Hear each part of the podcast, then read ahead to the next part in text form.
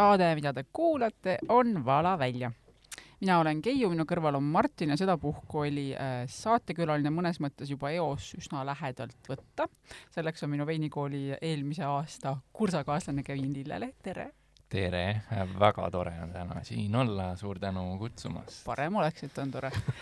Kevin on eri, erinevalt minust see, see päriselt andekas versioon, sellepärast et ähm, nüüd on nagu Mägral on mitu märki äh, rinnas. Kevadel äh, sai Kevin trofee Chateau Mukrani Eesti parim sommelier juunior kategooria võidu. nüüd alles hiljuti Vana-Tallinn Baltic Sommelier Grand Prix noorsommelier tiitli nende asjade väljahääldamiseks saab mingi õhku otsa. Nii et ühtpidi saame saatest no, juunior kunn. juunior kunn on põhimõtteliselt stuudios, jah. jätke see meelde aga ühesõnaga, ühtpidi me saame täna rääkida siis sellest, et mida peab äh, jooma ja mida peab õppima ja mida peab õppima jooma, et siis äh, kõik need äh, tiitlid koju tuua. aga teistpidi ma tean, et Kevinil on niisugune, ma tahtsin öelda hobi, aga tegelikult vist ikkagi töö. nimelt ta tegeleb veini investeerimise maailmaga mingit naljakat pidi. Kuna ma täpselt ja. ei tea, millega tegemist on, siis täpselt selle kohta me saamegi saate teises pooles äh, lähemalt tutvust teha. meil on varem olnud küll saade veinidesse investeerimisest, aga Kevin lubas enne, et ta räägib palju detailsemalt kõigest, nii et saate lõpus Mar saame kohe oma äh, rahad sisse panna Marko, Marko Gloria veinikeldrist käis rääkimas meile jah, kuidas ütleme pudelikaupa ja võib-olla pudelikaupa investeerida ja võib-olla osta omale koju nii-öelda veinikeldrit, eks ju mm. -hmm. Aga siis, äh, kui Keiu ütles, et tuleb Kevin ja räägib uue nurga alt investeerimisest, siis ohohoo, ma ootan väga seda uut nurka ja, ja, ja loomulikult meil on äh, joogid ka laua peal, ainult et me ei tea, mis need on. jaa, sellega on siis äh, täna niimoodi, et äh, me, meil on siin kaks jooki äh,, nüüd me teeme sellise väikse harjutuse läbi koos. kohe alustuseks kohe alustuseks, äh, kuidas siis oleks, noh, Keiu, sa ju oled ka vähemalt korra nii-öelda seda võistlemist kui sellist proovinud. et äh, meil on kaks jooki siin ees ja teie hakkate ära arvama, mis need kaks jooki võiksid ja, olla. meie, meie, näeme hetkel neid äh, pudeleid veel sokkide sees, nii et me veel ei tea, millega tegemist on. ma luban, et need on puhtad sokid see on väga tänuväärne aga igatahes selles mõttes, et, et äh, need pildid lähevad äh, üles äh, Facebooki ja kuhu veel, et siis saab, pärast saab vaadata ka ilma sokkideta, millega siis tegemist oli. aga mm, sa valisid lihtsalt kaks veini enda nägemuse järgi, millega meid panna nagu proovile? on need veinid üldse või? Ähm, see on hea küsimus, tõesti. me eeldame, et nad on veinid, aga nad on joogid. aga ma ütlen lihtsalt, lihtsalt alustame, te võite mõlemad nuusutada, otsustada, kummast te näiteks tahate alustada. no see on täpselt samamoodi nagu, nagu, nagu võistlemisel on mm., sul on mingisugused klaasid on ees ja sina ise otsustad, millisest sa nüüd alustad. aga kuna eeter ei tohi tühi olla, niikaua kui me nuusutame, siis äh, Kevin, sina räägi üldse, kuidas sinu tee veinis ja ütleme, joogis ja selles maailmas alguse sai? jaa, ütleme niimoodi, et ma olen äh, küllaltki veel noor sellel alal, et äh, alustasingi kaks tuhat kakskümmend aasta jaanuaris äh,, läksin äh, Eesti sommeliidi erakooli Äh, minu tööandja siis äh, pakkus mulle, et ma võiksin seda sommeljeendust õppima minna, kuna mul oli selline äh, nagu tema ütles siis, perversne huvi viskide vastu, et äh, võis olla kaks valikuvarianti, et kas ma võiksin selle sommeljeendusega tegeleda või siis ma lihtsalt olen alkohoolik. et äh, selline kui kooli saadetakse, siis on äh, lootust, et ja, ja siis ma sellega alustasin ja siis oligi kaks tuhat kakskümmend jaanuar oli sisuliselt esimene kord, kui ma tegelikult veinis. Tundsin midagi muud peale, et see on vein. Et äh, sealt ta niimoodi täiesti nagu kuidagi, kuidagi alguse sai, et äh, lihtsalt minu ülemus, ma ei töötanud üldse äh, jookide alal ega midagi, lihtsalt äh, pakkus mulle sellise valikuvariandi välja ja, ja oota, mis alal sa täpselt töötasid, mis tööandja ütleb, et mine õpi alkoholi äh,? nii, sellega on jah see, et äh, noh, vaatame hetkel nii-öelda põhikohaga töötan äh, siis lennujaama veinibaaris Rosin mm, -hmm. sellel samal siis omanikul oli ka lennujaamas mänguasjapood ja siis siis kui ma kolisin Tallinnasse äh,, siis ma sattusin sinna mänguasja poodi nagu tööle ja, ja mõtlesin, et ma siis äh, jah, teen seda ja, ja siis kuidagi oligi niimoodi, et seal äh, veinibaaris oli nagu väga palju viskisid, millest keegi väga palju midagi ei teadnud ja kuna mulle nagu viskid huvi pakkusid, siis ma nagu tegin niisuguse nii-öelda algaja versiooni mingi tootelehti või, või mingi fun fact'e, kuidas neid viskisid võiks müüa. Ja, ja, ja, ja. tüüpiline karjääri areng mänguasja poest, viskid ja nii. jah, sealt, sealt alguse sai ja, ja siis äh, nüüd olen jah, seal veinibaaris olen nüüd poolteist aastat siis äh, möllanud, õppinud, üritanud aru saada neist kõikidest veinidest ja jookidest, mis seal meil pakkumises on. ja võistlema sattusin täpselt samamoodi täiesti nagu juhuslikult, et meil oli äh, niisugune tore kursusekaaslane Keiuga koos nagu Tarvo Sarapuu, kes siis on mul äh, nii-öelda seal veinibaaris on nagu rosi, seal nagu kätt pulsi peal hoidnud sisuliselt esimesest päevast alates, et rääkis niisugune mingi basic üldse mulle veinidest ära ja niimoodi. et äh, siis tema lihtsalt ütles, et äh, mees, tule võistlema, mis sul kaotada on, et äh, halvimal juhul saad ühe pudeli veini tasuta ja, ja siis ma niimoodi sattusin võistlema kõigepealt Eestikatel, seal endale väga-väga-väga üllataval kombel läks siis väga hästi. Ja siis pärast seda käisin korra Poolas oli rahvusvaheline noorte sommeljeede võistlus, kus äh, siis nii-öelda toodi korra maa peale tagasi, et mis see ikkagi rahvusvaheliselt äh, noorte sommeljeede tase on. ja sellega siis äh, sai nii-öelda jällegi niisugust tuhinat motivatsiooni juurde, et nüüd Baltikumiks siis kõvasti õppida harjutada kas see mm, Eestikatel osalemine oli juuniori kursuse mingisugune lõppkord ka peaaegu või? ei. see oli lihtsalt äh, vabatahtlik, vabatahtlik, jah? vabatahtlik. aga samas seal oli võistlejaid, juunioris oli hästi palju äh,. ma mäletan, see on Mukra-. Sommeljee kursusel on see kohustuslik, aga, aga juunioril on nagu aa, okei okay,, need olid sommeljee kursuse nii-öelda lõpetajad. juunior-kategooriasse juunior kuulub ka sommeljee õpilased mm -hmm,. okei okay,, sest et neid oli seal ikkagi paarkümmend äh, ju lava peal kes võistlesid nii-öelda seal Mukrani, Mukrani, Chateau Mukrani poolt äh, sponsoreeritud Eesti meistrikatel mm. -hmm. Mm -hmm. nii, vahepeal, nii, mida, mida me joome Martin siidri moodi tundub mulle. no me võime Ma..., me võimegi täitsa nagu niimoodi, et äh, te võite öelda, mis te arvate, mis asi see on ja miks te arvate?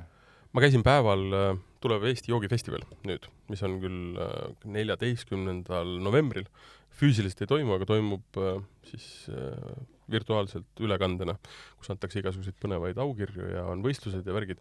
ja seal antakse ka Eesti parimatele jookidele siis äh, nii-öelda medaleid nende degust oli täna. ma istusin seal mittealkohoolsetes, nina töötas nagu noh, keravälk onju, kõike tundsin, suu samamoodi. ja siis jooksin kooli sealt ja lukus, ühtegi veiniaroomi ei tundnud. siis tõusin püsti ja hakkasin uuesti tundma.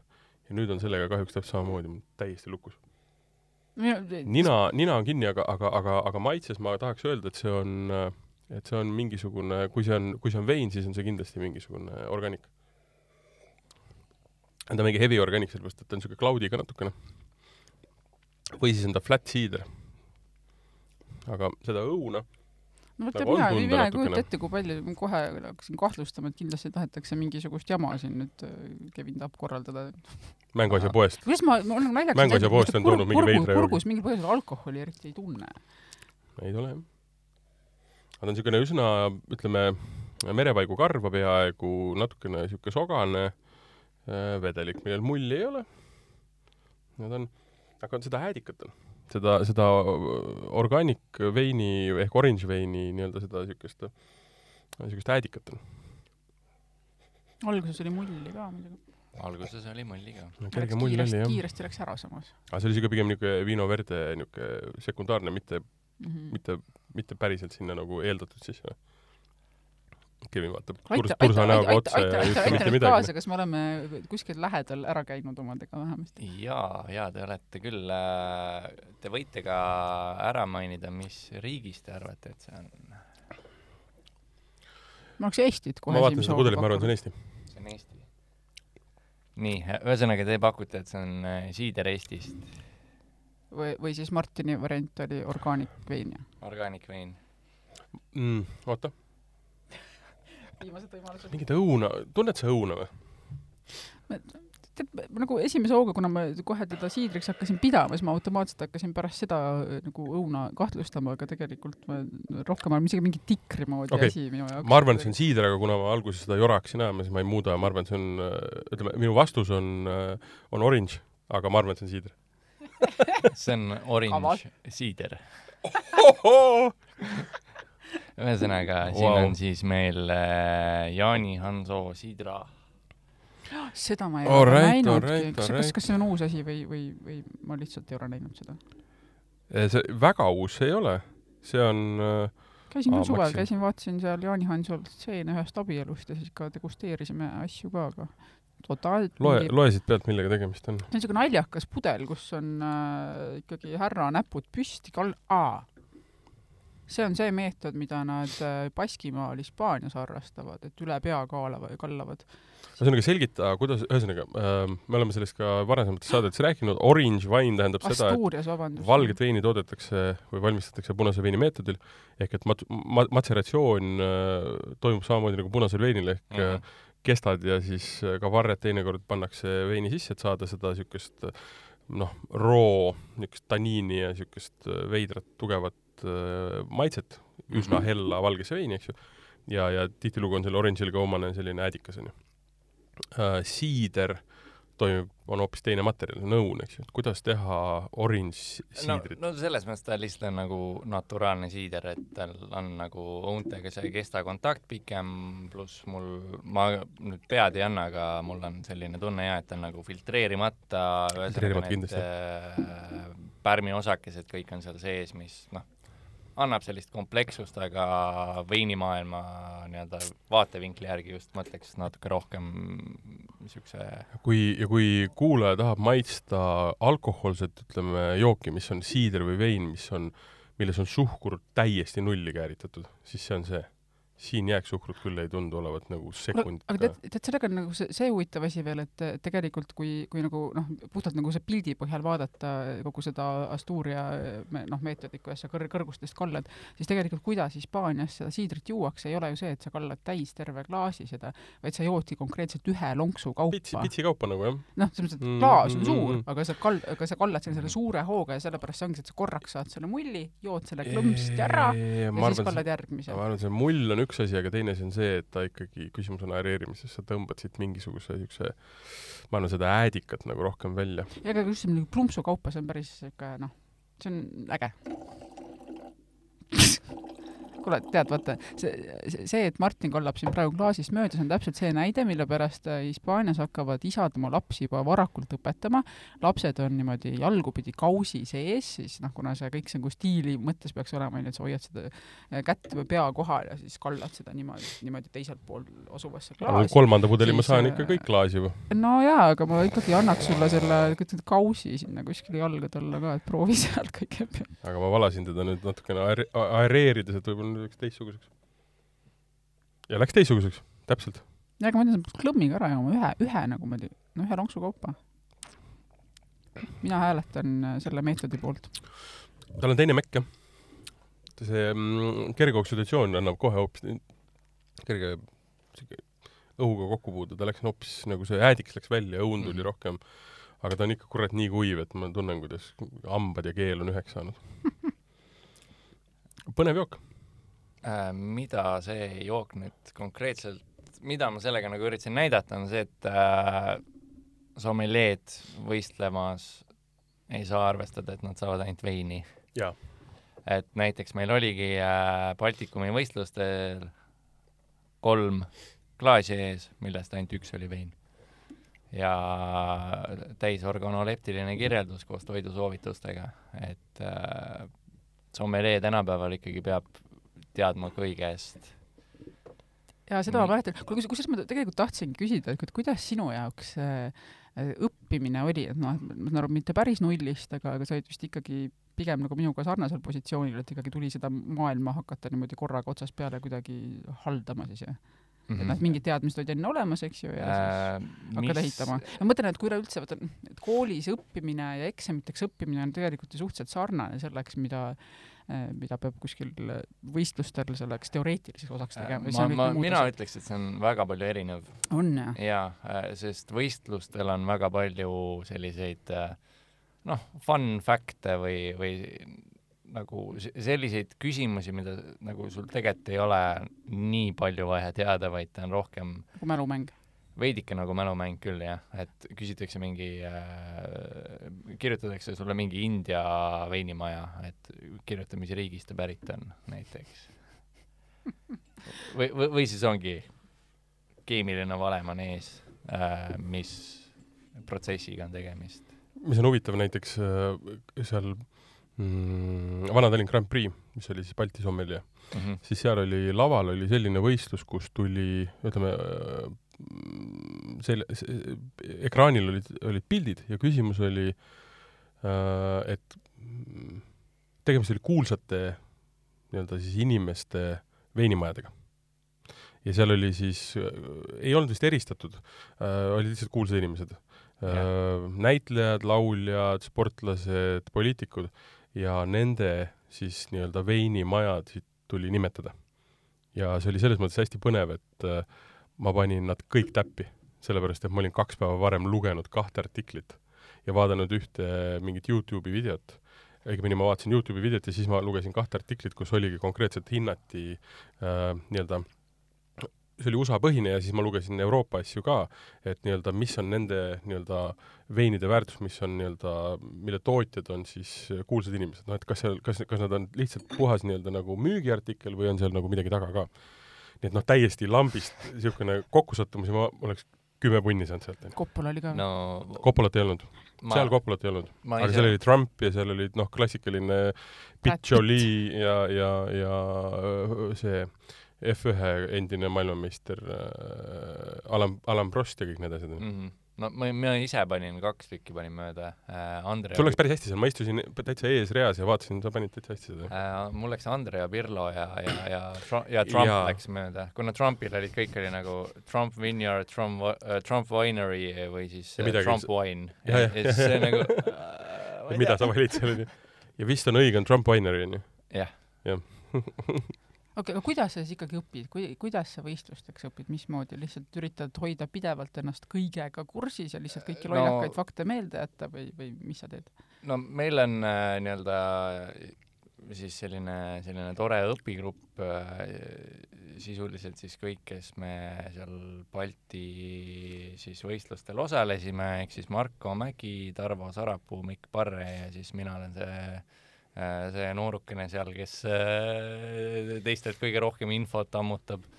et äh, saame niimoodi regulaarselt kokku ja valime mingisuguse piirkonna ja igaüks peab siis tegema mingid küsimused selle piirkonna kohta.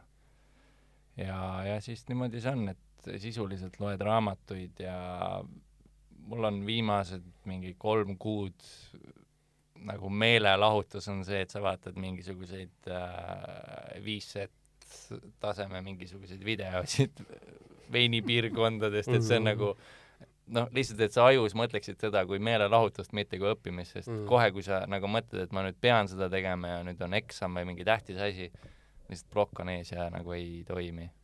sa tead, mis veel oli lahe, ma saatsin vist äh, Keiule ka selle ja Liisale äh,. Ja ma teadsin, et nad on olemas, aga ma avastasin need uuesti. Wine Spectatoril on nii-öelda wine quiz ehk et siuksed äh, ma ei kümne, kümne või kaheteist küsimusega mm valikvastustega küsimusega erinevatel teemadel, noh, seal oli umbes restoran, siis olid mingid piirkonnad, siis olid, ma ei tea, kas seal oli pakendi aga küsimused. selle me võiks ju ka panna oma Facebooki lehele üles. ja see oli jube lahe, et seal on nagu jah, seal on küsimused on pigem lihtsad, aga samas seal on selliseid asju, mida sa võib-olla iga, noh, sa igapäevaselt ei mõtle nende peale.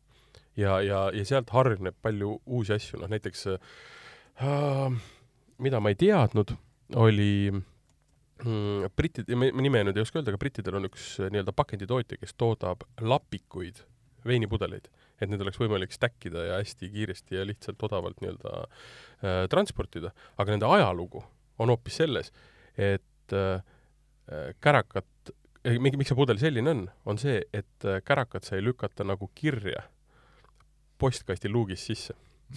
ja postkasti luugid nii-öelda Inglismaal ja mujal on, on ukse sees ja sa panid lihtsalt pudeli plaks läbi ukse, läbi postkasti luugi. sellepärast on selline kuju pudel ma ei oleks seda saanud teada, kui ma ei oleksin lahendanud seda ägedat nii-öelda küsitlust. Et siis nüüd on, oleks vaja ka seda veinikullerit jah, et kes toob Jah.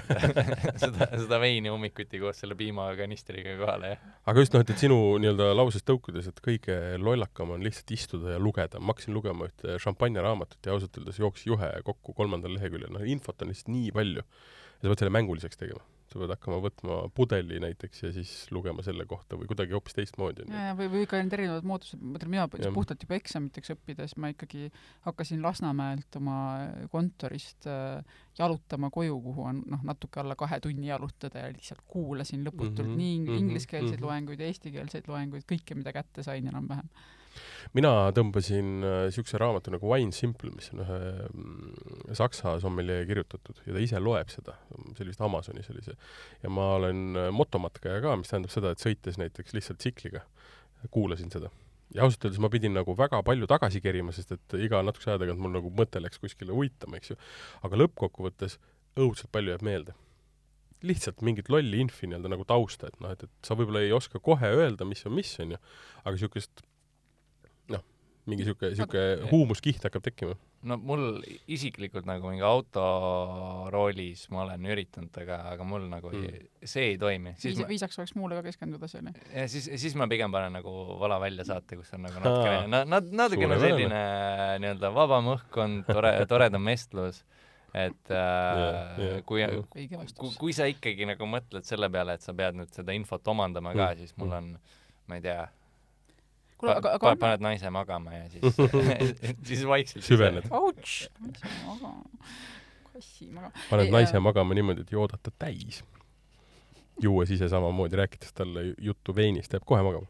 absoluutselt. minu oma küll jah. kuule, ma arvan, see, see, see, see on vist see, mida me kõik, kõik meie sõbrad on pidanud mingil hetkel üle elama, et sa lihtsalt räägid lõputult mingeid asju, püüdes ise samal ajal seda infot salvestada. kuule, ole kasulik, Kevin, ütle mis, mis, mis on sinu jaoks olnud mingid sellised kõige paremad eh, kohad, mida kas lugeda, kuulata, vaadata, kus sa oled tõesti saanud väga niisugust head kasulikku informatsiooni, et kui nüüd eh, kuulaja tahab ka suure hooga hakata õppima ükskõik kas iseenda jaoks, kooli jaoks või millegi muu jaoks, siis mis sa ütleksid, et on niisugused head asjad? No praegu noh, kuna ma olen siuke sommeljeenduse mõttes selline koroonabeebi, et äh, terve selle asjaga nagu tegelenud just selle nii-öelda haripunkti ajal, siis ma pole ka nagu väga palju saanud reisida ja neid äh, veinipiirkondi siis niimoodi teadlikult avastada. et äh, siis minu jaoks on siuke Youtube'i channel nagu Wine with Jimmy äh, kohe lähen vaatan üks. selline vend, kes siis erinevate nende viisseti tasemetega teeb siis äh, videoid, kus tal on siis näiteks Google Earthi videod ka, kus ta näiteks noh, näitab mingi Toskaana ümbrus seal, vaatad, kus on mägisem ja ja selles mõttes ta selgitab väga ilusasti, konkreetselt ja siuksed nii-öelda põhiasjad teeb selgeks. Väga hea, kohe mul on arvutiekraan ees, lisasin järjehoidjasse selle Wine with Jimmy Youtube'i kanali. Neid kanaleid on erinevaid, neid kanaleid on erinevaid jah. Nendega paraku on jah see, et sa pead äh, neid üsna palju läbi hakkima, et äh, leida võib-olla niisugune parim. et äh, see Wine with Jimmy on okei okay., seda ma olen ise ka vaadanud Okei. viimane, mis ma vaatasin, oli muidugi üks, kaks, kolm filmi Somm. aa, see on tore. Need on toredad, see- aga need jook-, seal jooksis ikka vahepeal juhe kokku, kui sa- sa- liiga kuule, aga- tõsiselt inimesed seda asja no võtavad. nende aga arusaadav, nende seal on raha mängus. mõtlema, et ei taha eales võistlevaks sommeljeeks saada, sellepärast et ilmselgelt neil on igal pool on seal, kuna enamasti on mehed, kes seal filmides võistlevad pigem, siis seal on, kõik on kuskil on need daamid taustal, kes ütlevad, et nojah, kahju küll, aga et eriti, eriti, eriti nagu mingit suhteks või kodus nagu pole küll asja. no seal on muidugi hästi oluline see, et äh, ikkagi mm, nii-öelda master sommelier tiitli saamine tähendab hüpet nii-öelda karjääri ja äh, nii-öelda palgaredelil ikka päris, päris korralikku. tihtilugu. jaa, ma olen, on- ma, ma, ma olen kuulnud jah, et see peaks aastas olema vähemalt sada viiskümmend tuhat dollarit lisa. no see et on lisa, Jah. ma tahaks lihtsalt seda. Ei, no aga- aga siis me räägimegi sellest, et kui seal filmis räägitakse sellest, kuidas ma olen investeerinud veini õppimisse, noh, lihtsalt puhtalt ostes erinevaid veine, nagu näiteks kakskümmend, kakskümmend viis, nelikümmend tuhat, eks ju, siis äh, noh, sa investeerid sellesse, et sinu järgmise aasta sissetulek võiks olla sada viiskümmend.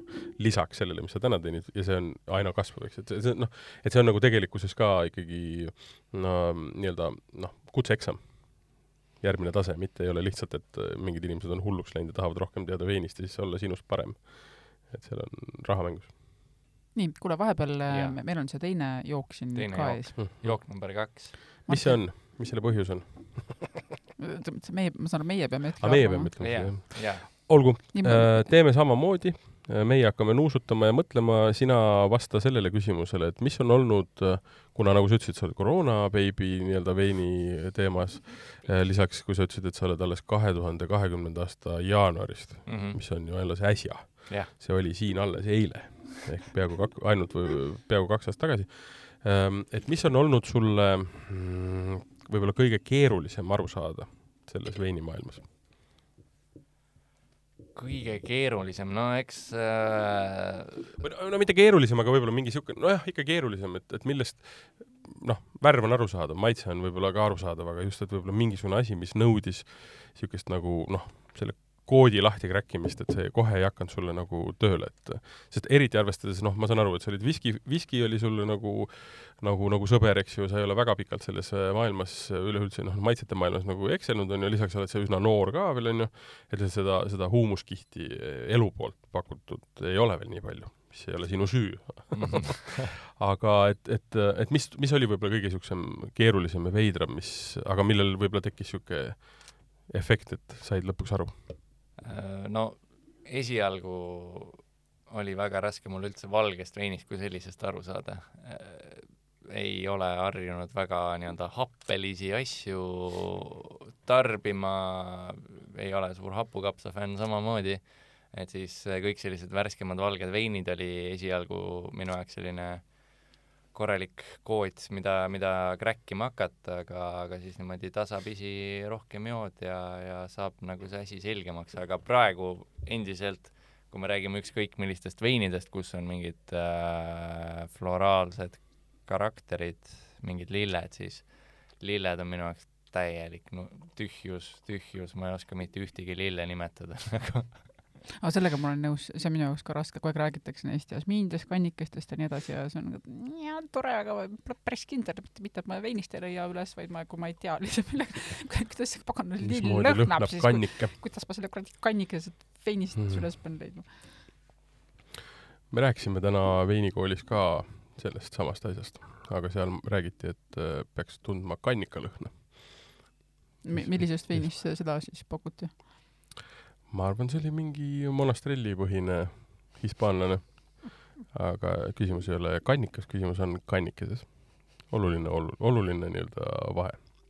aitäh selle täpsustuse eest. nii, nii, mis me nüüd teeme? mul on see asi, et noh, meil on, meie ees on niisugune punane, tummine, noh, nüüd, nüüd ütleks küll vein, aga, mul on jällegi kahtlus, et, et kas et ka noh, et ma ise mõtleks, et noh, vein nagu vein nagu vein ikka, aga lihtsalt miks ta pagan miks ta pagan toob selle siia, kas, kas tuleb jälle mingit eestlast kahtlustada tegelikult hoopis või või on ikka normaalne aga inimene?, aga teeme lihtsalt korra, korra selle niimoodi, et okei okay,, ärme värvust kirjelda, aga mis te aroomist tunnete?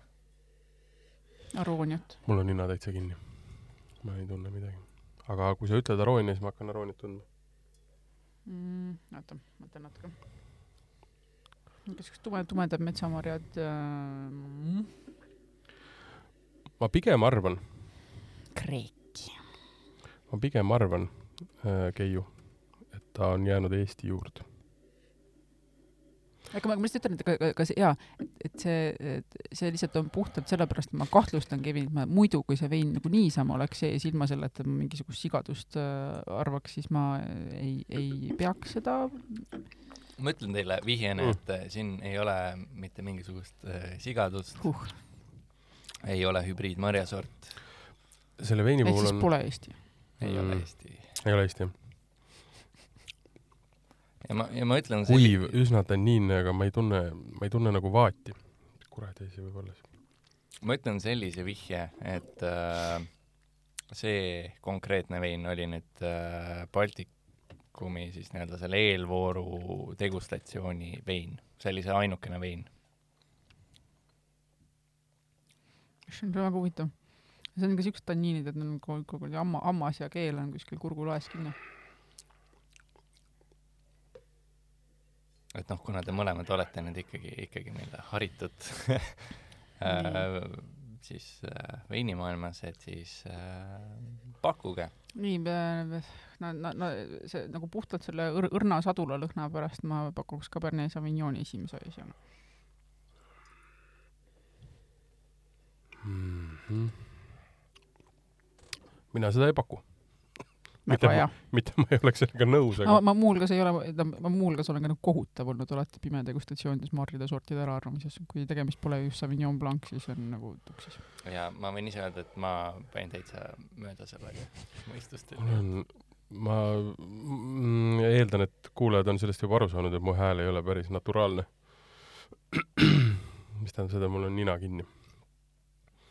nii et ma, mis tähendab seda, et äh, kui ma ei tunne ninaga, see tähendab seda, et ma ei tunne ka suuga. Mis tähendab seda, et ma tunnen ainult tanniini, ma tunnen hapet, ma tunnen alkoholi, aga kõik see mingisugune nii-öelda mari või, või, või siis äh, sadul või, või tubakas või vanill, seda ma ei tunne. mul on natukene see mure ka, et ma mäletan, et siis, kui ma õppisin eksamiteks, siis ma tekitasin endale mingisuguseid liste sellest ikkagi niisugust nagu, nagu arvutusi põhimõtteliselt, et ma tean, et kui mul on, kui ma tunnen, noh, et ma ütlengi, et noh, praegu näiteks mingisugust a la Kreeki ploomi mingisugust mu- musti metsamarju ja, ja, ja arooniat, siis ma enam-vähem noh, et ma mitte ei mõtle, et mis vein see on, vaid ma panen need selle nagu liidan need kokku ja siis selle põhjal mõtlen, et ahah, see klapib, on ju, selle veiniga, aga ma enam ei mäleta oma enda neid märkmeid.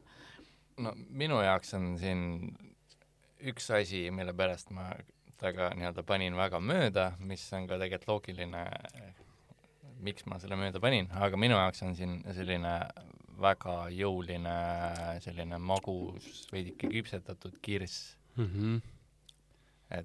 Selline kirss on minu jaoks on äh, kahel veinil. ma valisin selle vale. see on mingi grenache.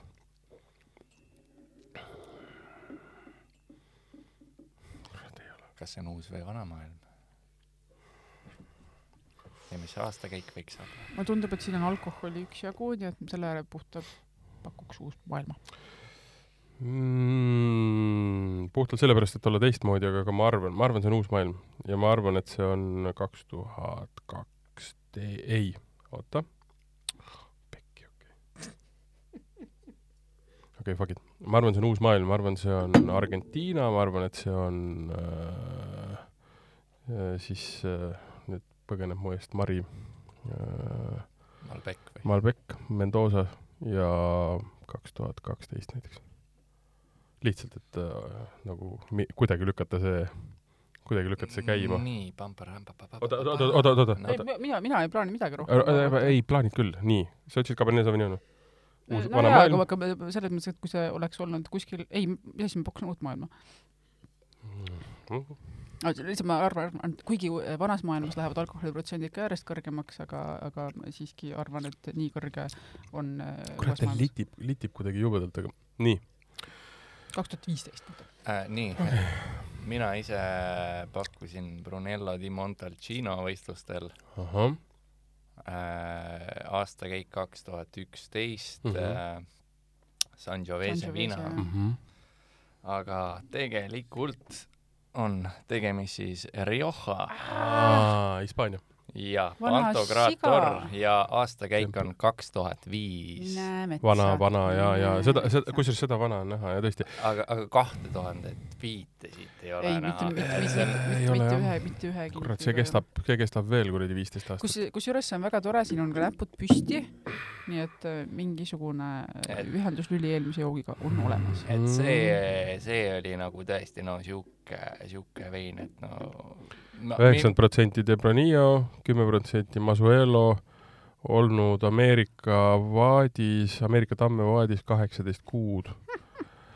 Kusjuures- kusjuures tead äh,, enne kui ma ütlesin Uus maailm ja Argentiina Mendoza, mul korra käis peast läbi, et see võib olla Hispaania või noh, muidugi käis.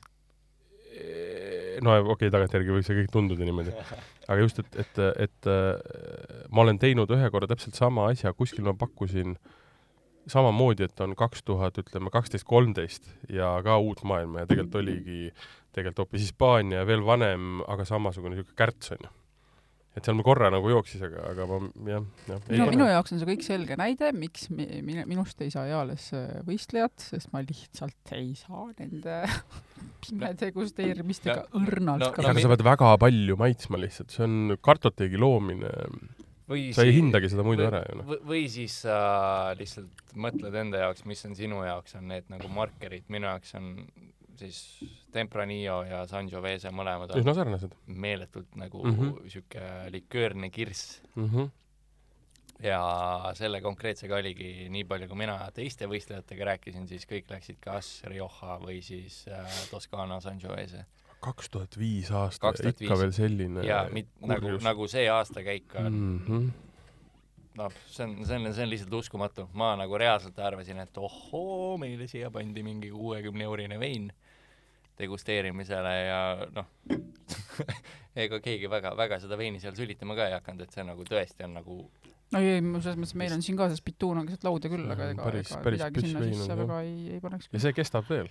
jaa, see ongi nagu kaks tuhat viis arvaks, et noh, Rioja kaks tuhat viis võiks juba nagu jooma hakata, aga maitse järgi ma hoiaks seda kümme-viisteist veel noh. kas nüüd peaks Eesti selle pan-, pandeemia igasuguste piirangute eest põgenema kiiresti Hispaaniasse? kusjuures see on niisugune Rioja mm,, mida ma paljalt küll juua ei kannataks. ma tahaks sinna mingit toitu juurde.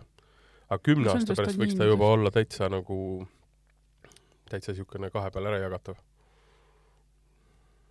ma, jaa No. ei, ma olen äh, hämmingus, väga äge, väga äge. äge vein jah. nii, kuule, aga nüüd äh, äkki läheme siis äh, ja see oli konkreetselt see vein, mis äh, See- oli võistlusel ja jah. mida sina arvasid, et on Itaalia, noh, Sangiovese jah, jah, täpselt nii. ja aastakäiku ei pane mitte keegi täppi. mm. -hmm. nagu ei, väga Nagu-, väga põnev, väga nagu, põnev nagu. mitte keegi ei läinud kahe tuhande kümnest allapoole, kuna see vein on nii nooruslik praegu. on ju? Kuule, aga räägime nüüd pra- prakti- praktilistest Jah. asjadest. vein ja investeerimine, nii sa enne ütlesid, et sa põhikohaga töötad seal ikkagi lennujaamas ja nii edasi, aga mis mm. -hmm. mis, mis seos sul, kuidas sul selle investeerimisega on? My Wine Fortune on selle asja nimi, nagu ma jaa, selles mõttes mul nii-öelda tekkis võimalus, mulle pakuti äh, tööd ühes nagu ülilahedas ettevõttes, kus ma ise olen nagu täiega uhke, et saan seal töötada äh,. vanasti oli selle nimi Levinum, ma ei tea, jaa. et äh, nüüd just äsja oli siis nii-öelda rebranding äh,, nüüd on nimi My Wine Fortune äh, ja sisuliselt äh, siis ettevõte ja meie siis seal tegelemegi ainult nii-öelda investeerimisega ja just veinidesse äh,, milles on nüüd see erisus, on see, et inimesed, kes investeerivad, ei pea endal nagu veini hoiustamiseks mingit ladu või, või sellist hakkama ehitama, et äh, see on nii-öelda siis teenus, mida me ka pakume, et ongi nii-öelda aktsiisiladu ehk siis käibemaksu ka veinide pealt ei pea maksma senikaua, kui ta on seal nii-öelda meie keldris ja siis inimesed saavad lihtsalt nagu veinidesse investeerida. saad sa vist mingisuguse sertifikaadi ka, et on, on olnud ausõna õigetes tingimustes ja kõik on kõige paremas korras? no selles mõttes, et see on nagu selline täispakett, et sisuliselt kui klient tuleb ja ostab veini ja siis meie ostame selle veini siis kas siis nii-öelda otse negotsiantilt majalt või siis äh, ongi niisugune oksjonikeskkond nagu Livex kus siis üks äh, see nõue on, on see, et kõik see nii-öelda veini ajalugu oleks dokumenteeritud, et äh, seal keskkonnas siis ei, ei ringleks äh, veine, mis on vahepeal nii-öelda eraomandis olnud, kus sa ei saa siis tagantjärgi uurida, kus see, kus see veinud, vein olnud on. Keegi on pannud oma nii-öelda talveriiete kappi lihtsalt sooja ja noh, mis seal sees on, seda ei suuda keegi enam tuvastada, eks ju. aga ku- kuidas see kliendi jaoks siis välja näeb, mis, mis tuleb teha, kui, mis, kui palju raha peab üldse olema, et, et alustada sellise asjaga? tegelikult ei pea üldse palju raha olema, kuna investeerimise veinid tegelikult algavad seal kuskil viiekümnest eurost ja noh, okei okay,, nad nagu see ülemine hinnapiir on suht suht sky is the limit, aga aga nii-öelda see alumine nii-öelda hinnapiir on tegelikult on suhteliselt mõistlik, kas või isegi kui me räägime Bordeaux siis äh, kaks tuhat kakskümmend aastakäigu vist oli mingi üheksakümmend seitse punkti sai kriitikute keskmiselt, the Sun nelikümmend üheksa euri pudel, mis on tegelikult oma, omab äh, sellist arengupotentsiaali ja investeerimiseks kindlasti, et äh, see on näiteks üks näide. Ja lisaks veel sellele on äh,, seal on lihtsalt see eelis, et nagu see teil tuli ka Markoga vestlusest välja, et veine tuleks hoida kastides. et muidu nende siis turuväärtus hakkab langema, siis kuna meil on selline suhteliselt nagu veinifond kui selline, et siis me saame nagu iga, ühest kastist pudelid erinevatele klientidele siis ära jaotada niimoodi, et me seda kasti vahepeal lahti ei tee. ja, ja mulle kuulub lihtsalt kaks pudelit sellest kastist, kellelegi kuulub äh, neli ja nii on. jah, seega nagu sinul, kui sa näiteks tahaksid investeerida, siis ei pea kohe tervet kasti ostma, vaid sa saad sealt näiteks ühe veini endale osta. okei okay,, aga kui, kuidas, kas, kas inimesed enamasti juba teavad, mida nad tahavad või siis see tulebki umbes niimoodi, et ma tulen sinna ukse taha, ütlen, et nii, nüüd ma, mind huvitab see kui investeering, veinidest ise võib-olla väga palju ei teagi ja siis keegi kuskilt soovitab mulle ja siis on nagu mis iganes muude investeeringutega, millest ma ka midagi ei tea.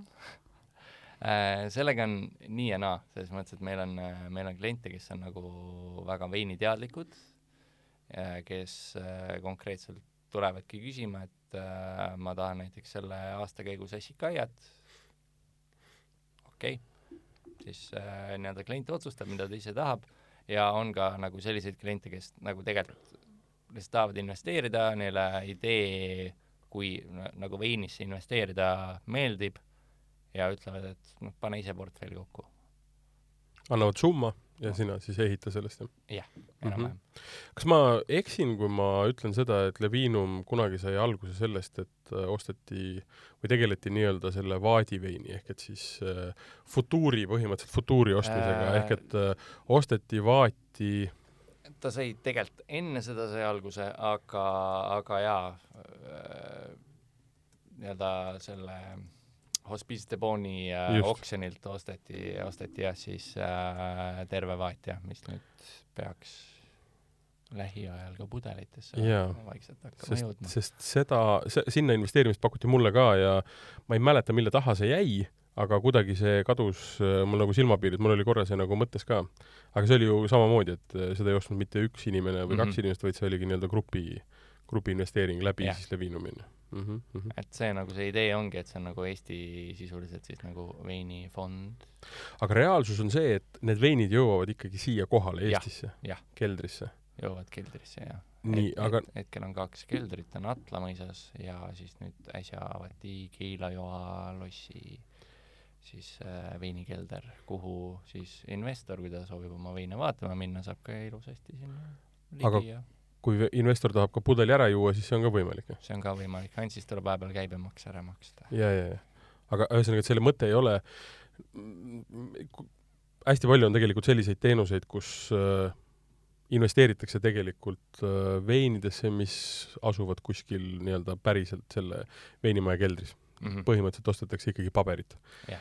Äh, ja see on ikkagi nagu selles mõttes ikkagi päris investeerimine, sellepärast see vein ei liigu sealt mitte kuskile mujale kui keldrist poodi või kellegi järgmise nii-öelda lauale, lihtsalt Mhm. vahepeal raha jagatakse siis vastavalt sellele, kes investeeris, eks ju. et äh, teie puhul on ikkagi see, et konkreetselt ikkagi veinid jõuavad Eestisse, investor saab minna vaatama, noh, nii-öelda piltlikult katsuma ja kui tahab, siis joob ära ka? Jah. okei okay. see on, see kõlab paremini kui lihtsalt see, et on paber, et mul on veini palju. aga kui palju on riski, ma mõtlen, et noh, et, et kui investeerida, siis ju alati võib mingi asi tuksi minna, et sa ei saa sada protsenti, keegi ei saa sulle ju lubada, et, et, et kindlalt võidad. No aga midagi oskab ikka öelda. no, no selles mõttes vein on üleüldiselt on selline investeering, et kui äh, sinu eesmärk on nüüd järgmise viie aastaga endale Viimsis suur villa osta, siis võib-olla vein ei ole praegu see asi nagu, millega peale minna sinna, et siis kuigi kui oleks eelmise aasta Bor-, Bordeaux ostnud või tähendab Burgundiat ostnud, siis võib-olla ka viie aasta pärast oleks see villa võimalik ära ehitada. äh, nojah, mõne konkreetse veini näol. Aga, aga jah, et ta on, selles mõttes ta on hästi pikaajaline investeering ja miks ta nagu paljudele just nagu inimestele siis nii-öelda paelub, on see, et äh, ta on väga nii-öelda stabiilne, seal ei ole suuri hin-, hinnakõikumisi, et äh, isegi selle eelmise siis majandussurutise ajal nagu võib-olla portfellist võisid kaotada maksimaalselt nagu kakskümmend protsenti, mis nagu kohe pärast seda läks uuesti ülesse ka, võrreldes nüüd oleks sul aktsiates olnud, oleks äh, juba kõva Lehman Brothers, kõva, kõva pankrot olnud, eks, Bear et, Bear Stearns, Morgan Stanley tulevad meelde. ja noh, ütleme niimoodi, et kui me räägime investeerimisveinidest, siis äh, nad on ikkagi, nad on tuntud majad ja ma ei kujuta ette, mis reaalselt peab juhtuma, et nende väärtus läheks nulli, aga Ant- antifriisi äh, veini sisse. antifriisi veini sisse, mis noh, jah, no selles mõttes ongi, see on huvitav äh, teema, et äh, sa mainisid viiekümne euroseid veine, aga kui me räägime, et näiteks osta kast äh, pff, mingisugust petrussi, siis noh, ei ole lootustki, et see, ei ole Nagu lootustki, langeb. et jõuaks osta seda. ei, miks? ei jõua. ma täna vaatasin äh, mingisuguse aastaga petrussi hind täitsa okeid. Martin, mis sinu jaoks on okei okay hind? ei no investeerimise mõttes, joomise mõttes on nagu teised hinnad, aga ma ütlen, et see oli, pudeli hind oli midagi neljasaja-viiesaja euro kanti. mingisugust veini. no see võis olla natukene halvem aastakäik. nojah, aga, aga, aga isegi kui me räägime nagu paarist tuhandest eurost ja sa ostad kasti, see on alginvesteeringuna kindlasti üsna nagu kopsakas, eks ju, Mhm. aga sul ei ole lootust ka, et selle hind langeks. jah, nii et noh, selles mõttes ütleme, investeeringu mõttes sa ei hakka riskima, ütleme, veini investeerimise mõte ei ole äh, nagu Bitcoini või mingisuguse muu nii-öelda coin'iga, et sa lihtsalt vaatad, et äkki tuleb. vaid seal sa ostadki väga kin- kindlaid asju, mis reaalselt ajas ikkagi pidevalt tõusevad.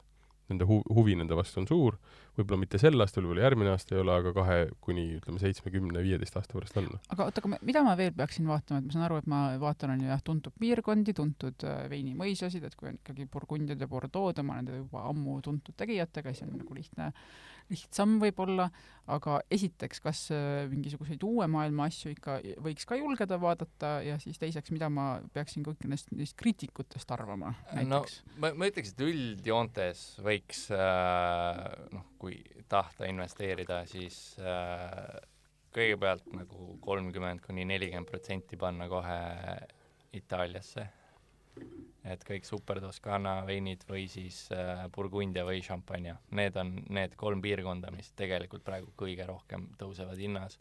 Ja ka nagu seal on see nii-öelda viieaastase investeeringu mõte on täiesti nagu, nagu mõeldav, et Bordeaux on selles mõttes väga auväärt piirkond, aga ta on klassikaline, ta on nagu niisugune nagu investeerimisportfelli selline nurgakivi, kui kui sa nagu soovid lihtsalt, et, et su raha ei devalveeruks ära Mm -hmm. see on siuke raha parkimine nagu. jah, sisu, sisuliselt küll, et äh, jah aga, aga, aga kasv on ikka ikkagi viis, kümme, võib-olla viisteist protsenti üsna kindlalt garanteeritud. Jah.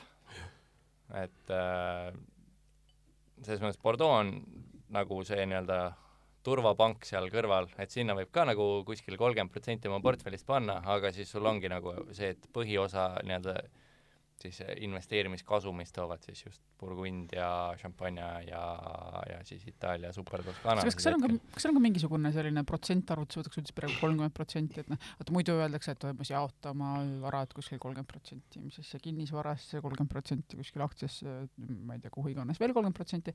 et kas, kas seal on nagu mingi, kas, kas kui nagu ainult see veinimaailm võtta, kas siis on, on ka sarnane, et ongi, et sa ütlesid kolmkümmend protsenti itaallastesse, siis kolmkümmend protsenti panen, ma ei tea, Burgundiasse No, kolmkümmend Bordeaux'sse või midagi sellist. idee on endiselt selles, et sinu portfell oleks nagu hästi ära hajutatud, et isegi kui äh, nüüd juhtub mingisugune suur skandaal Toskaanas juhtuma, et äh, et kõik, ikka see antifriis. et, et, et, et ma ei tea äh,, ma ei kujuta ette, mingi suur skandaal tuleb välja, pettus, mingi suur pettus, onju. keegi on pannud, mõtle, kui Petrus, Pettus oleks. just, on pud-, et, et siis endiselt on sul nagu see, et see ei mõjuta sind nii palju, kuna sul on igal pool mujal ka siis nii-öelda summad mängus ja kõikide nii-öelda piirkondade peale keskmine on sul endiselt on nagu omadega positiivne. ma just mõtlesin välja, milline on Petrussi pettus.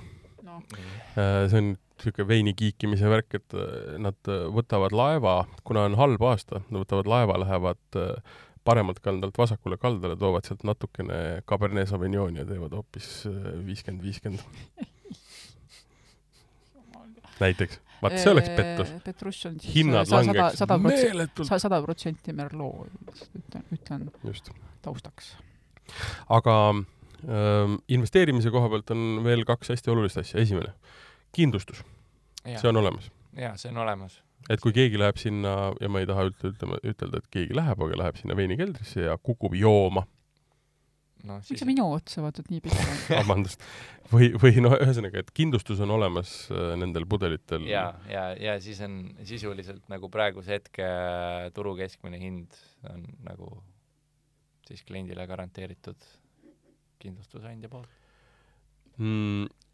tehnoloogiliselt okay. tähendab siis seda, et kui mul taskus põleb praegu X eurot, näiteks tuhat eurot, siis ma tulen äh, jutule ja sa ütlesid, et valid ise näiteks või siis ütled, et äh, valige mulle.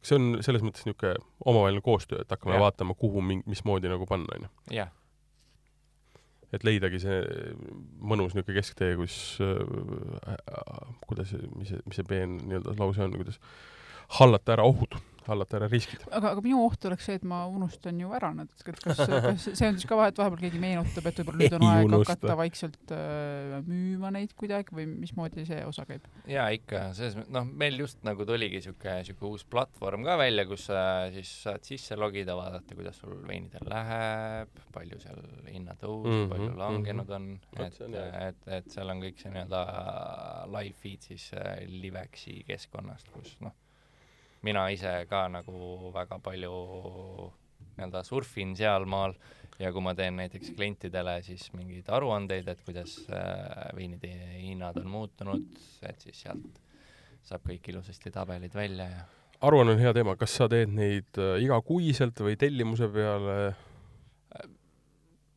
nagu see hetkel nii-öelda otseselt keegi niimoodi tellinud ei ole, aga kui on selline spetsiifilisem klient, kes soovib mm -hmm. teada, kuidas see konkreetne vein on ka eelnevatel aastakäikudel siis äh, käitunud, et siis ongi nagu see, et sa teed selle siis aruande. aga ma mõtlen tegelikult erinevalt, noh, et aktsiad on ju, või võivad kuidas iganes äh, kõikuda, neil ei ole sellist nagu parim enne, nähtavat parim ennet, on ju, aga veinid mingil hetkel hakkavad ikkagi noh, saavutavad oma tipu ja, ja siis äh, noh, saavad äh, vanaks ju, et kuidas nüüd selle osaga siis käituda, aru saada, et ma kogemata pole maha maganud oma seda aega. no sellega lihtsalt ongi see, et äh, meie kui nüüd äh, investeerimis nii-öelda teenust pakkuv firma, me, nagu mina olen üks veiniekspert ja siis teine on näiteks Rein Kasela Äh, et me oleme nii-öelda ära monitoorinud kõikidel veinidel nii-öelda see, selle ideaalse akna, millal võiks selle nii-öelda veini ära realiseerida. ja hoiate sellel nii-öelda iga pudeli, iga kasti nii-öelda valguses silma peal, eks? jah, jah, täpselt nii um,. see on ikkagi teenus, mis tähendab seda, et üks asi on see, et ma annan raha, te ostate veini, mis on nii-öelda minu oma, teen, mis ma temaga tahan, eeldus on see, et ma investeerin sellest, et mille, millalgi ta maha müüa mm. -hmm. mis see teenus maksab? mis on minu igakuine kulu näiteks, kui ma ostan ühe kasti veini? või kuidas te seda kulu näiteks või seda nii-öelda teenuse hinda arvutate äh,? teenuse hind on täpselt niimoodi, et ühe pudeli pealt kaks eurot pluss käibemaks aastas. ühe pudeli pealt kaks eurot pluss käibemaks aastas? kurat, see on peaaegu tasuta ju. on või? No see ei ole mina, protsent. mina, mina olen humanitaarklassist, ma ei tea. ei, no kui sa mõtled, et sa investeerid tuhat eurot, noh, selle eest ostad kasti, eeldame. kuus pudelit, see on aastas no.. käi või arvuta, arvutad, kui palju on kuus korda kaks pool? see on viisteist eurot. pluss käibemaks. või see on juba? Äh, no ol-, no kui, kui sa ostad kasti, kus on kuus pudelit, siis see on äh, tegelikult on äh, kümme eurot pluss käibemaks. no ehk siis kaksteist eurot aastas. Mis teenusena on, ma ei tea, kohe võta mu raha ühesõnaga, üsna väga mõistlik, väga mõistlik. tõesti selle võrra see, oota, aga ei, ma tahangi, vaata, vaata, ma ütlesin seda asja ka, et kui sa investeerid veini, sa ei osta nii-öelda, sa võid osta mingeid riskiasju mm, -hmm. aga sa võid ka osta selles mõttes minna kindla peale, et sul on Bordeaux veinid, mis igal juhul hind tõuseb ja see on mingi sõna, see toot-, tootlus on Tootlus, täpselt. siis sa võid minna mingi, mingi, mingitesse järgmistesse kohtadesse ja nii edasi, nii edasi, nii edasi. et sa ei osta selle eest nii-öelda kahekümne eurost veini, mis on ka aasta pärast kakskümmend euri, sellepärast et teda lihtsalt toodetakse hämmastaval kombel kogu aeg juurde. olgugi, et aastakäik muutub, kliima ei muutu, tase ei muutu, sa ostad ikka veini, millel on potentsiaal hinnas kasvada, sellepärast et nõudlus on Mhm. Mis tähendab seda, Bordeaux on nagu Kevin ka ütles, on hästi selles mõttes kindel, et sellele vastu on kogu aeg nõudlus, olgugi et mitte võib-olla nii röögatu kasv, on ju, aga sul on alati nii-öelda janune klient, kes on nõus maksma selle eest. Versus Okei. okay. võib-olla mõni muu, on ju. ei, minul on nüüd ikkagi see küsimus, et noh, et ma saan aru, et eh, sina töötad, on ju, selle koha jaoks ja loomulikult sa pead rääkima, et kõik on ilus ja tore. aga ühtlasi tõenäoliselt on sul ka mingisugused eh, re reeglid ja asjad, et sina mitte ei, ei tohi eh, valejuttu ajada, nii et ma küsin sinu käest siis ka seda, et ära juua seda et- veini, mis sa oled ostnud teistele inimestele. et, et, et mis, et mis, mis on need asjad, mille, mille osas ma peaksin ikkagi ette vaatama, et mis on noh, need et ongi, et kus, kus ma võib-olla ei oska esimese hooga mõelda, et kus võib-olla läheb mul ikkagi rohkem maksma midagi või, või mis, mis need ohukohad on veel, noh peale selle, mida sa juba mainisid, et, et te kasutate seda keskkonda, kus on kindlasti dokumenteeritud, kust see vein on tulnud, et ei ole tulnud sokisahtlist Äh, ühesõnaga, sa küsid, et äh, mis on investeerimise ohukohad, Jah. kui sa ei kasuta meie teenust? ei, kui ma eh, kasutan ka teie teenust, ükskõik mida ma kasutan, mis, mis ma pean igal juhul eh, ette vaatama, kui ma tahan veini investeerida, kõik räägi ära. okei okay,, ohukohad. see on hästi lihtne küsimus. ohukohad, eks noh, kõige tähtsam on nagu see, kust sa ostad oma veini, onju. et äh, on väga suur erinevus, kas ostad kuskilt oksjonilt, kus on äh, ainult siis ettevõtted, kus kõik on dokumenteeritud või on seal oksjonil ka siis nii-öelda eraisikuid. seega, kui sa ostad eraisikult, siis äh, ta peab olema väga-väga nimekas veini koguja, investor, et, et see oleks nii-öelda valiidne, et, et sul on lihtne seda nii-öelda veini hiljem ka edasi müüa, sest kui oota, jah, aga see, see ei ole mitte keiurisk, vaid see on sinu risk kui äh, selle nii-öelda teenuse pakkuja, sellepärast et mina annan sulle raha, sina ostad mulle veini, mis tähendab seda, et sina võtad ju selle riski, kas ta, sina, sina haldad seda, kas ta on valiidne, kas see on õige vein ja niimoodi mina lihtsalt ootan, et äh, vein jõuaks siia ja saaks seda silitamas käia. täpselt nii, ma praegusel hetkel lihtsalt räägin üldisemas plaanis, et nagu ma enne mainisin, on meil äh, vist on kokku kolm negotsianti Mhm. mm., negotsiandid juba nagu saavad otse majast Mm -hmm. äh, sisuliselt siis kõige kindlam viis, kuidas üldse mingit veini saada. ja teine on siis äh, Livexi keskkond, kus on jällegi, neil on ka omad nii-öelda siis äh, veinieksperdid, kes siis äh, teevad ekspertiisi veinidele, hindavad, kas need ikkagi on päris tõesed veinid. nüüd, kui äh, võtta naabrimehelt osta pudel veini ja tahta seda edasi müüa, siis on vaja maksta ka selle ekspertiisi eest ise. Sest üldjuhul ega keegi ei taha endale suure raha eest osta mingisugust veini, mille nii-öelda valitsust ei saa yeah.. kuidagi, kuidagi tõestada aga. kui, kuidas seda siis tõestama asutakse? tehakse palju mingisuguseid keemilisi analüüse, vahitakse silte lõputult ja korke või? jah, hoitakse silt. maitstakse ära. silt. jah, oli küll õige. see oli õige vein, see oli päris hea vein. anna andeks. noh, klassikaline plumps, oi. ütleme niimoodi, et võib-olla kõige lihtsam sellest aru saada oleks äh, vaadata filmi Sour, Grapes onju mm., Mhm. et äh, see võtab nii-öelda ilusasti kokku, kuidas see, kuidas see protsess äh, käib, kuidas vaadatakse üle, et kas veinid ütle kiiresti ka ära, millega tegemist on. Meie oleme siin vist seda kõik näinud mis. on sour grapes Jah. mm? -hmm. see on äh, film, mis siis äh, räägib äh, siis ütleme siis ajaloo kõige kuulsamast siis äh, veinivõltsijast ja sellest, kelle nimi on nagu Mjau, aga ei ole.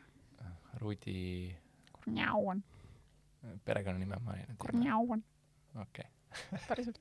ja oli jah. ja kusjuures see ei ole üldse mingisugune väga ammune asi, see on äh, mõni aasta tagasi. viis aastat tagasi või, kümme aastat tagasi, Äh, viisteist isegi vist. viisteist võib-olla mm. -hmm. jah, Kur-, Kur-, Kurnjavan siis, aga vabandust, mul lihtsalt alati tundub nagu oleks kassi nimi. Rudi ka jah. aga jah, see on järgmine võib-olla oht, on, ongi nagu hoiustamistingimused. et äh, seda peab ka tõestama, kuidas sa, kuidas sa äh, oma veine hoiustanud oled äh,. ja siis muidugi ka see nii-öelda veini mahamüümine, et mis oksjonitel sa hakkad maha müüma, kellele sa müüd äh,. et äh, seal on lisakulutused, mis meie teenusega noh, kuna me ostame Livaxist, müüme Livaxisse, siis see on nagu ühesõnaga, et me, kui- me, meil nagu selles mõttes otseselt nagu, nagu oksjoni lisakulusid kui selliseid ei tule lõpuks äh, sellel äh, müümisprotsessil okei. Mhm, et mhm., et kliendil on nagu kõik on nii mugavaks tehtud kui võimalik, et on püsihoiustamiskulu, maksad veini eest, käibemaksu sinna juurde ei maksa, seega sul juba nagu oled natukene omadega rohkem plussis kui see, et sa lähed ostad maaletooja juurest ja maksad käibemaksu ja see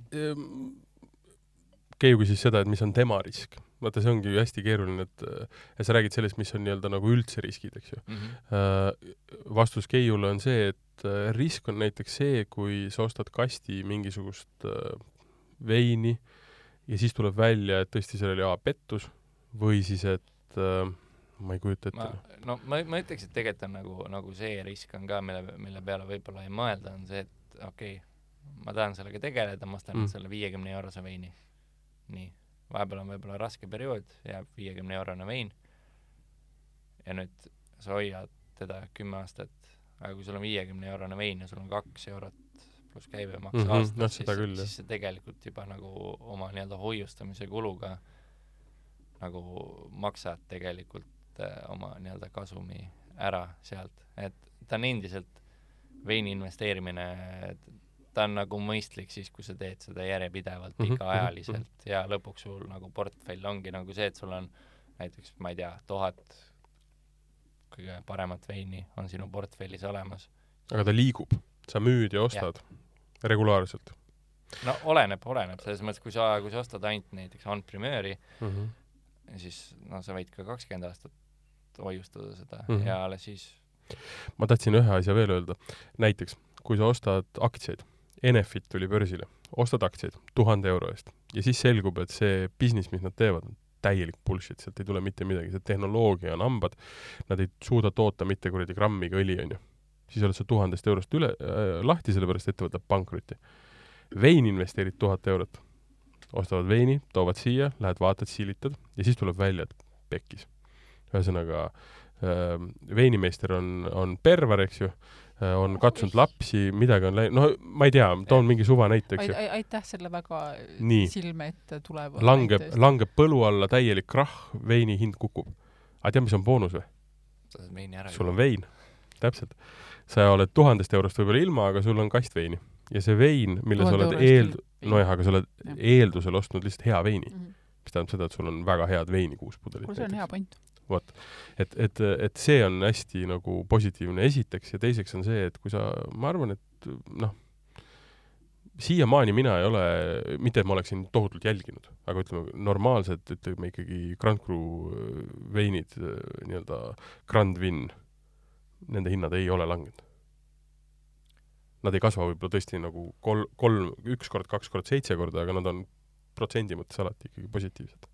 noh, ega, no selles mõttes neid investeerimisstrateegiaid on väga palju, näiteks Entrepreneuriga on äh, Bordeaux'st on ka mm. -hmm. nagu võimalik suuremaid kasumeid teenida puhtalt selle pealt, et äh, nii-öelda see Entrepreneur müük toimub siis, kui vein on alles vaadis ja siis kriitikud hindavad seda va- vaadis olevat veini, annavad mingisuguse punkti summa sinna potentsiaali nii-öelda. jah.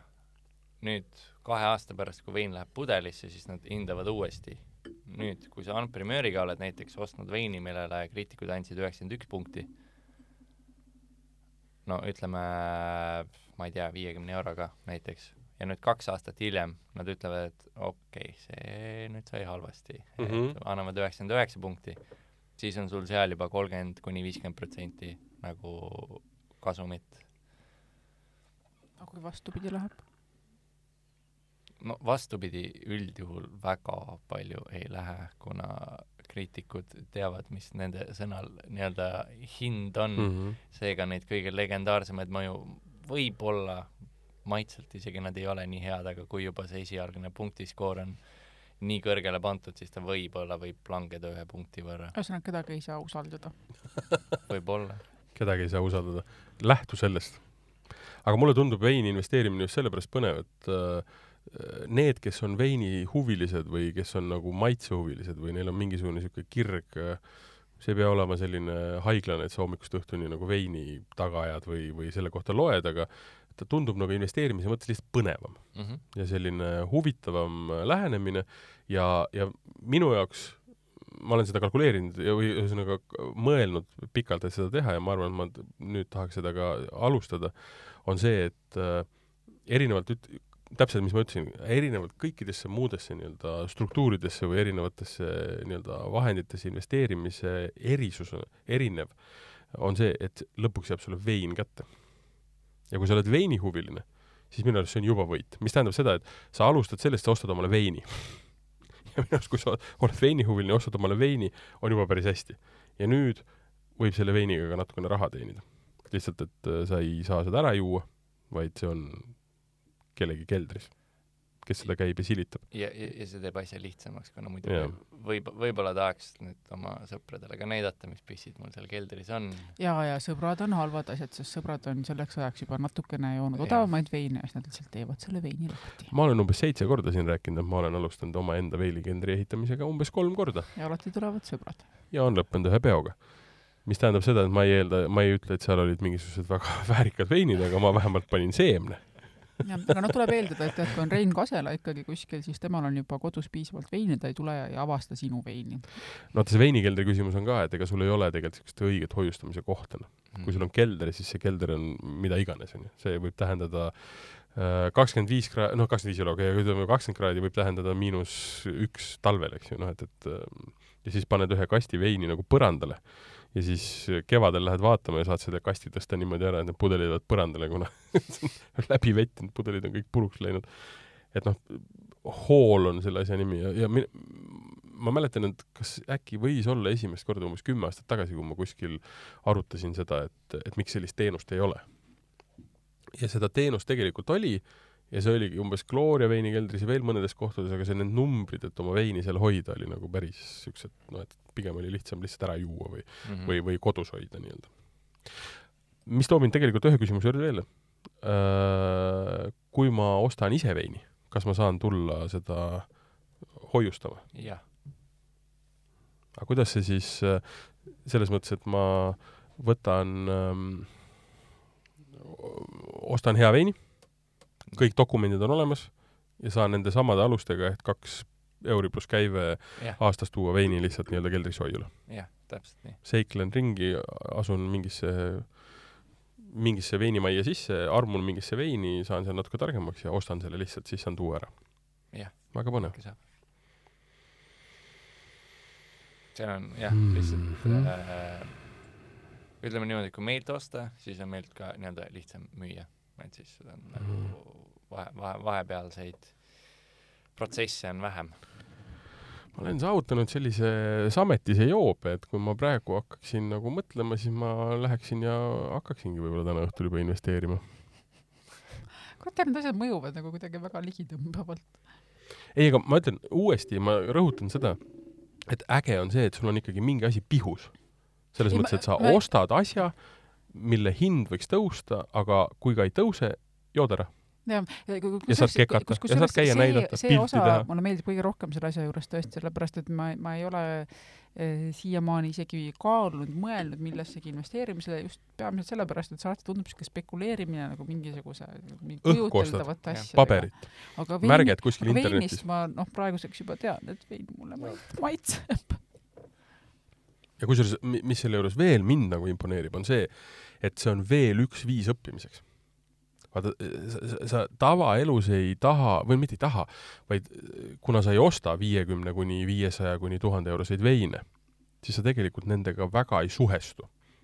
aga olukord, kus sa nendesse investeerid, sa ei pea neid jooma, eks ju, siis sa hakkad uurima, sa hakkad veel ühe külje pealt tegelikult seda veinimaailma nagu, nagu tundma õppima, et see tegelikult on veel põnevam mulle hetkel, kui ütleme see, et see tuhat või viissada või Mhm. viiskümmend euri või, või, või ka kümme tuhat euri, mis iganes võimalused on, eks ju, investeerida. mulle tundub see palju põnevam, et ma saan noh, pihta mingisugusele järgmisele loogikale. sest ma just kirjutasin äh, pika artikli sellest, et äh, miks on mingitel veinidel noh, tuhat eurot hind, miks on kümme tuhat, miks mõned maksavad pool miljonit, eks ju. ja, ja, ja tegelikkuses äh, on objektiivsed põhjused ja siis on puhas spekulatsioon. ja puhas nii-öelda kapital või tähendab kap-, kapitalistlik äh, nii-öelda turusituatsioon, kus keegi tahab ja kellelgi on ja siis on vähem ja keegi tahab rohkem ja hinnad lihtsalt äh, niimoodi liiguvadki või, või, või siis on lihtsalt üks äh, suur kuju seal ees mm. mm, -hmm. noh mm -hmm. näiteks nagu Domaine Leroy. Jah. Et seal on lihtsalt see veinimeister. või siis on president Washingtoni keldrist tulnud vein, mis on joodamatu, kuna ta on nii vana, aga ta maksab sellepärast, et ta on George Washingtoni vein. Washingtoni elas jah, pisut ammu. äärmiselt põnev, äärmiselt põnev. ma ütlen, et see, see hariduse komponent mulle meeldib. see tõmbaks mind sinna nii-öelda nagu seda, seda investeerimist ka kalkuleerima. Aga noh, siis seal on muidugi nagu see veiniinimesena võib-olla see prestiiži küsimus ka, et noh, et mis sul keldris on ja siis hakkad noh, mul seal Sassikaia ja Ornellaia ja Maceto ja vaata, vaat seda ei julgeks äh, Jah. ma, ma, ma arvan, et kui ma seda ütleksin oma lähematele sõpradele, siis nad saadaksid mu äh, ei, aga samas ainult teatud ringkondades tuleb öelda seda. ongi. aga samas, kui sa mõt-, see on veel jah, kolmas võib-olla nüanss, et okei okay,, võtame näiteks viie aasta lõikes, investeerid iga kuu sada eurot. see on viie aasta lõikes äh, päris mõni euro, eks ju. mis tähendab seda, et sa saad äh, kuus tuhat eurot. noh, näiteks täiesti niimoodi ütleme äh, rahumeelselt kellelegi seda ütlemata kõndida mööda vanalinna, teades, et sul on mõni pudel Petrussi kuskil. Fuck it! kui asi läheb kõik persse ja majandus kukub kokku või juhtub midagi, siis ma lihtsalt joon ära kaks pudelit Petrussi. ja minu arust see teeb nagu hinge lihtsalt soojaks. On ju, eksin ma või? et, et, et selles mõttes see investeerimine on nagu päris põnev mõte. ja nagu sa ütlesid, et see ei, see, see, see, et oota, ja see on oluline küsimus äh, summa, millega ma alustan, ei pea olema ühe pudeli hind. ühesõnaga, ma ostan mingil hetkel lihtsalt võib-olla osakuid, aga mingil hetkel võin ka hakata ostma nii-öelda konkreetset toodet, eks ju. meil on üldjuhul on nagu see, et võiks nagu kahe osaga saada nagu pudeli kätte. aa ah,, okei okay. mm. -hmm. et noh, selles mõttes, kui on no viiskümmend eurot tundub selline suht nagu mõistlik summa, mida Ja, iga kuu panna, muidugi mm -hmm. liiga palju ka ei tasu, et ei ole nagu see, et kõik oma, kui sa oled suur investeerija, et siis äh, nüüd hakkad kõik oma, oma nagu rahad tooma veini, siis see ei ole ka mõistlik, kuna jällegi seal ei ole nii suured kasvud. et selles mõttes, et vein võiks ka jääda niisugune kolmkümmend protsenti pigem selline ongi noh, portfelli nurgakivi võib-olla. Rohkem. aga jaa, et äh, noh, näiteks tahad mingit saja eurost pudelit, ongi üks kuu viiskümmend, teine kuu viiskümmend ja sul on see pudel juba Mhm, olemas seal mhm, keldris. Ja meil nagu nüüd vist jah, nüüd peaks olema meil äh, püsimakse võimalus ka, nii et ja, ja, ei pea ja, isegi, ei pea isegi muretsema või, või, või, või no vot, sellise reklaaminoodiga saame me siis selle saate siin äh, kas, oota, ma näen, Martinil on mingisugune küsimus ikka veel jäänud äh, silma ei, ma olen täiesti äh,, ma, mul tuli loovuse hetk. nii, ma tahan hakata toimetama. kas või viiekümne euro kaupa, vahet ei ole. ei saa keelata. ja muidugi meil Hari, ma ütlen on, meil on endiselt veel laua peal nagu vein ka, mis minu jaoks nagu illustreerib väga hästi, mis nagu investeerimisvein võiks olla, et meil on kaks tuhat viis aastakäik, mis nagu ma arvan, et kümne aasta pärast on mille sildil on näpud püsti otseses mõttes. kas sa tead, mis selle pudeli hind on praegu äh,, seal vist peaks kolmkümmend neli eurot olema. ma arvan, et kui ta kaks tuhat viis tuli turule, ma arvan, selle hind oli, Vivino keskmine on 15. umbes kahekümne kanti natuke ma alla. arvan, ta oli viisteist. äkki, äkki oli viisteist pudel näiteks, kui ta tuli on. keskmine. seda, seda peaks saama sipp poest, ehk siis Viipe toob maale. ma ütlen ausalt, see on kõige lahedam Rioja, mida mina olen see on päris äge. äge.